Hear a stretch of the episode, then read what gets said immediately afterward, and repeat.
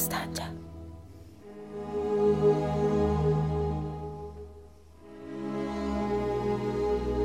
Qardaşlıq siğəsi oxutduran zaman heç ağlına da gəlməzdi bir gün Nəriman ya Muxtarla sözləri çəp gəlsin.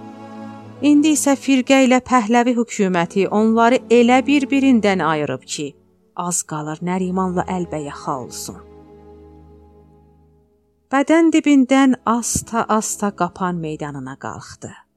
Yolunu elə saldı ki, Herantın meyxanasının qabağından keçməsin. Qapan meydanından Şeyx Mehdi küçəsinə sarı getdi. Səhər yeli əsir. Bir gecə başı qımızdan qızışmış sübhünaza qoşmaca qoşmuşdu. Onu səhər yelinə bənzətmişdi. İnsanın eynini açıb zehnini duruldan səhər yeli. Səhər yelim, sübhün azım. Səni görəndə buğdalar içə dolur. Sümbüllər açır, bənövşə aya baxır. Nilfər burulur ağacın belinə. İndi isə özündən təəccüblənir. Sübhünazı görəndə bu sözlər hardan gəlib ağrına çatmışdı. Nə şeir ilə arası vardı, nə də bu cür yüngül işlərlə. Amma Sübhünazın şəvə saçları, dolma dodaqları, tökmə bədəni, qırmızı alt paltar içində onu əngiyağlı bir halda dilə gətirmişdi. Bu dava-dalaş günlərində yalnız Sübhünaz onun sazının kökləməsini bilir. Ancaq bu an nəsə özündən də zəhləsi gedir Sübhünazdan da. Qoy Sübhünaz da cəhənnəm olsun. Tayfa törəməsidir. Axırım idi. Bir də ayağımı ora qoysam məndən qoduğu yoxdur. Səhər yeli də nasazlığına kar kəsmir gecənin xumarlığını başından belə uçurtmur. Fikrə dalaraq birdən özünü Herantın qabağında gördü. Madam bir əlində misaf tafa, bir əlində süpürgə qapının qabağını süpürürdü. Xanağanı görcək süpürgəni divarın dibinə atıb aftafanı yerə qoydu. Urusunun tayını açıb içəri keçərək dedi: "Buyur xanağa." Xanağa madamın arxasıca içəri keçdi. Herant kepisini üzünə qoyub mizlərin arxasındakı kanapanın üstündə yatmışdı. Madam, bir istikan xumar şikən ver. Bəlkə bu xumarlıq başımdan uçsun. Madam əllərini peşkirəsi ilə silib peşxanın üstünə baş yarım bir stəkan qoyub eşiyə çıxdı. Aftafanı götürüb dükanın qabağını sulayıb süpürməyə başladı. Herant xanağanın səsini eşitsək börkünü üzündən qırağa çəkdi. Xanağa onu görmədən istəkanı başına çəkib ağzı gözünü büzdü. Cibindən bir gümüş pul çıxardıb peşxanın üstünə qoyub eşiyə çıxdı. Küçənin toz torpağını qaldıran madamı saymadan uzaqlaşdı. Madam belini dikəldib onun arxasıca baxdı. Madama elə gəldi, xanağanın taxça çiyinləri əyilib. Xanağa Herantın daimi müştərilərindən idi. Xəlil Bərqinin dükanı qabağından keçəndə deyəsən bərq motoru başında tırıldayır. Səhər sübhünazın kənarında yuxudan ayılandan bəri başı sızım-sızım sızıldayırdı. Xəlil hər gün qaşqaralmaq həmin motorunu işə salıb motor tırıldamaqda fərmandarının qabağına asladıqları lampalar ətrafı işıqlandırardı. İndi isə gündüzün gözündə nədən motor tırıldayırdı, baş açmadı. Xulqu təng olmasaydı, həmişəki kimi Xəlilin bu gödənsiz işindən sarı qapına bir söz salıb keçərdi. Çarrağa yetişdiyində küçələrinin səkkəsi Zülfəli əmini su mənbəyinin başına yığılmış arvadların mühasirəsində gördü. Xoşbulaq başından lülə çəkib gətirib çarraqda su mənbəyi qoymuşdular. Təbrizin ana xiyabanını bir gecədə asfalt elədiyi kimi xoyun da su lüləkeşliyini dünyaya car salmışdılar. Nəriman şişə-şişə demişdi: Səhər millət yuxudan durub görüb pişəvəri Təbrizdə xiyabana asfalt saldırıb. Deyən yoxdur gedə, elə söz deyirsən ki, pişmiş toyuğun gülməyi gəlir. Qoduq bir gecədə xiyavana asfalt salmaq olar? Axı elə cür ki, yamaq saxlasın barı.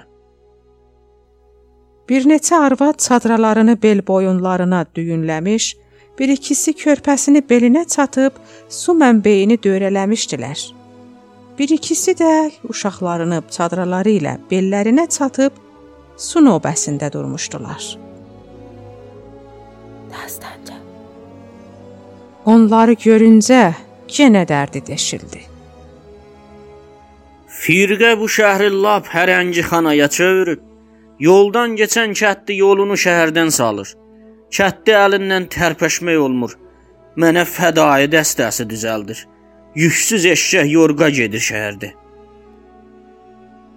Zülfəli əmi haypıdırıq salan arvadları saymadan bir putluq yerdə birini də su lüləsinin altına tutmuşdu. Su mənbeyini dövrələyən arvadlar Əmirkə yağının hələbilərini sıra ilə düzmə düzmüşdülər.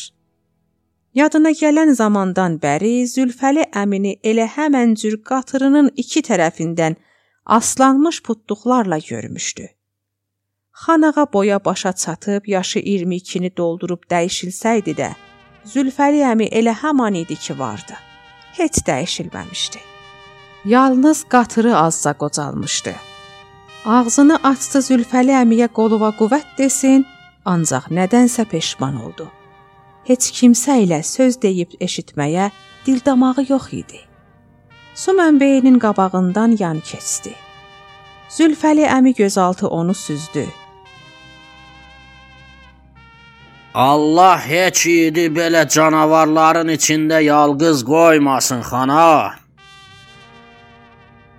Su başına toplaşan arvadların hay-küyü ucaldı.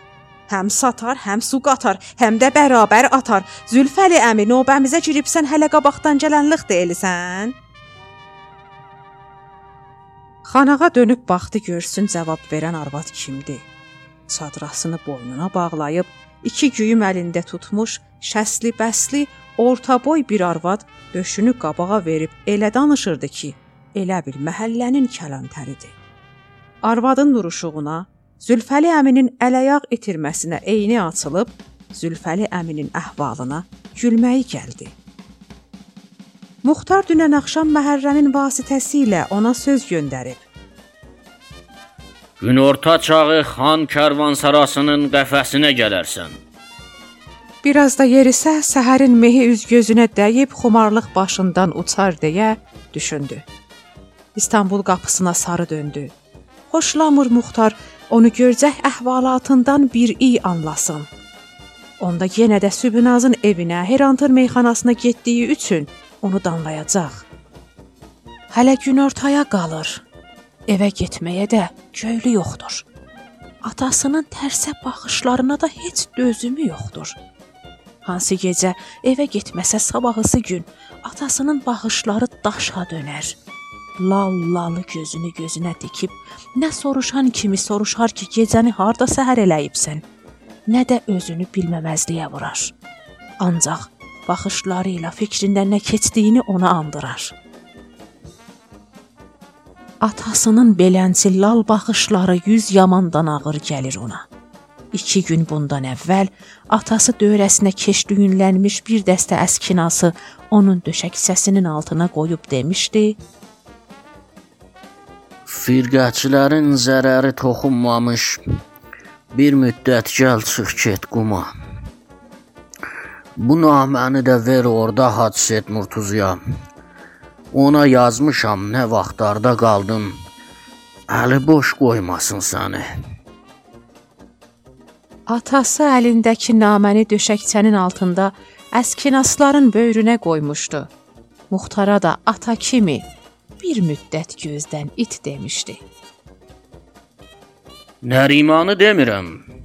Səndən duz çörək yeyib neçə il bir-birinizlə yoldaşlıq eləyibsiniz. O ətin yeyib sümüyün atanlardan deyil. Bir an namaz tapılıb əli və iş verər. Sən də ki maşallah dilin diş durmur.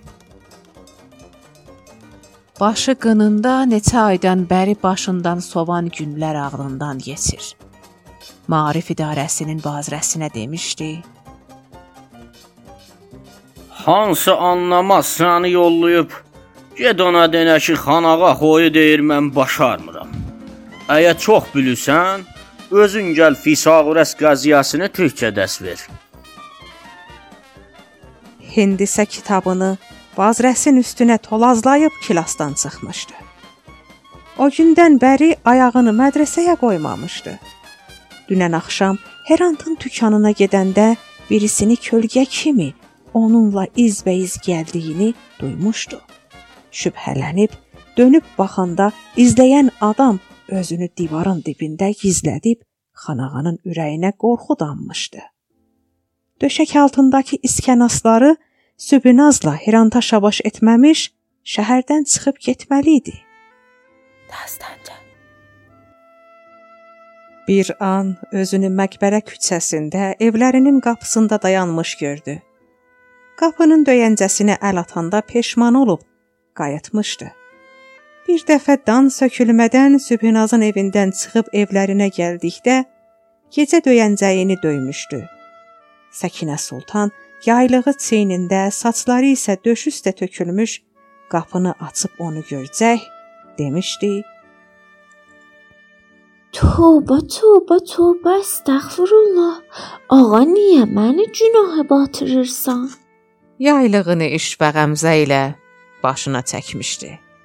O gündən bəri Səkinə Sultan onu görəndə yaylığının uclarını döşünün üstündən qırağa atırdı. Ancaq gözaltı ona baxıb donmuş dodaqları ilə gülümsəyirdi. O isə hərdən bir göylü Səkinə Sultana mail olsaydı da, Sübhünazı ona baş bilib bir qırmızı əskinasla razı salırdı. Səkinə Sultan saqqalına ilişib əlinə iş verənlərdən idi. Dastanca. Gün ortaya az qalır. Ağzının zuqqutum dadını dəyişsin deyə İban xurmaçının tükanı qabağında dayanıb beş şahı İbanın tərəzisinə atdı.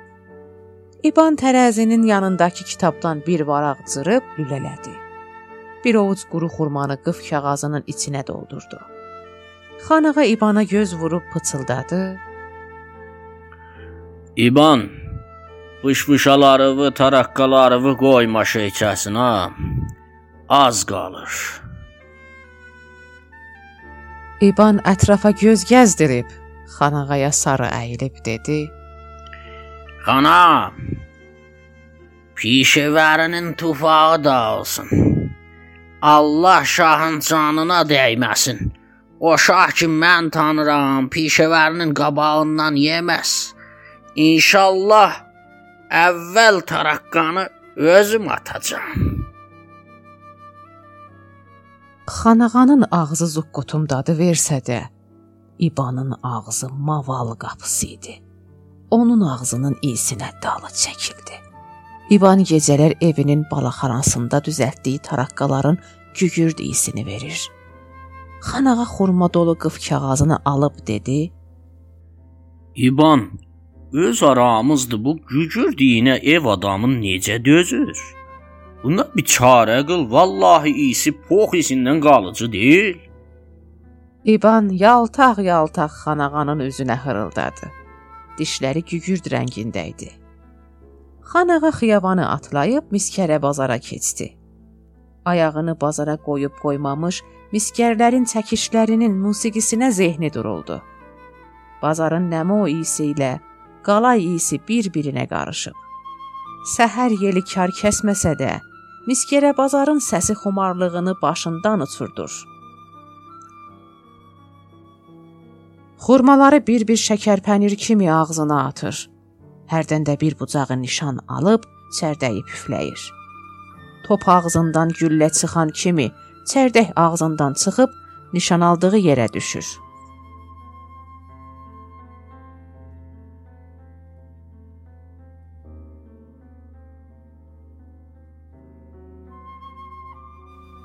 Kitabın adı Quşlar daha qorxmurlar. Yazar Rüqəyyə Kəbiri. Bu kitabı səsləndirdilər Nəyirə Ərdəlani, Mehdi Miyablı, Fatimə Nəcəfzadə, düzənləyən Səccad Müslimi. Bizim axağa qatılmaqla işimizin ardını tutmaqda bizə dəstək olun. Axağımızın adresi Dastanca D A S T A N C A